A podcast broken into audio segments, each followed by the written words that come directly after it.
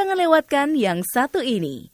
Acara belajar bahasa Inggris All About Idioms dari VOA Washington bersama Irna Sinulinga. Halo dan apa kabar semua sobat VOA? Di sini saya bersama Jonathan Evans. Welcome, friends, to All About Idioms. Acara ini khusus membahas idiom bahasa Inggris yang umum dalam tulisan dan percakapan orang Amerika sehari-hari. Idiom adalah sekumpulan kata yang punya arti tersendiri, jadi tidak bisa diterjemahkan secara harfiah.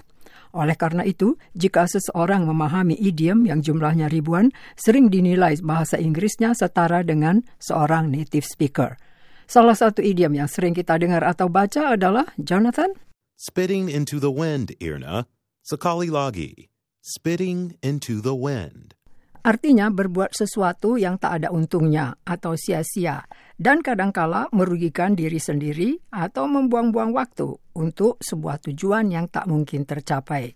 Spitting, ejaannya S-P-I-T-T-I-N-G, berasal dari kata spit, ejaannya S-P-I-T, artinya meludah. Into ejaannya INTO antara lain artinya ke dalam atau ke suatu tempat.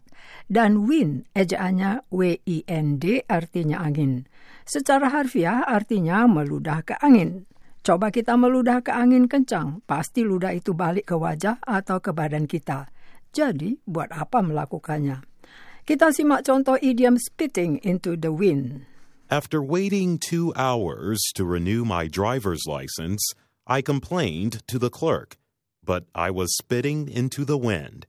I was the last one to get my license, and they said they had trouble with the computer in my case.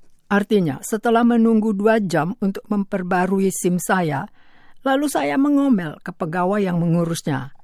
Tetapi tindakan saya itu sia-sia saja, malahan merugikan saya. Saya yang terakhir dipanggil. Mereka mengatakan waktu mencetak SIM saya, komputer mereka ngadat.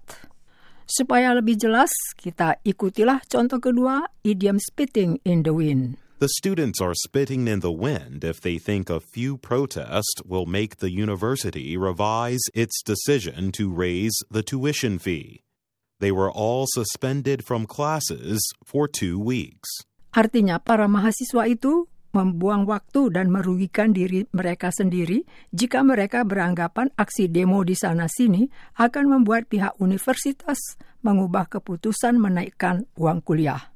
Mereka diskor selama dua pekan. Kita tadi telah membahas idiom Spitting into the wind. Sekali lagi. Spitting in the wind. Hanya sekian untuk hari ini. So long, and thanks for listening.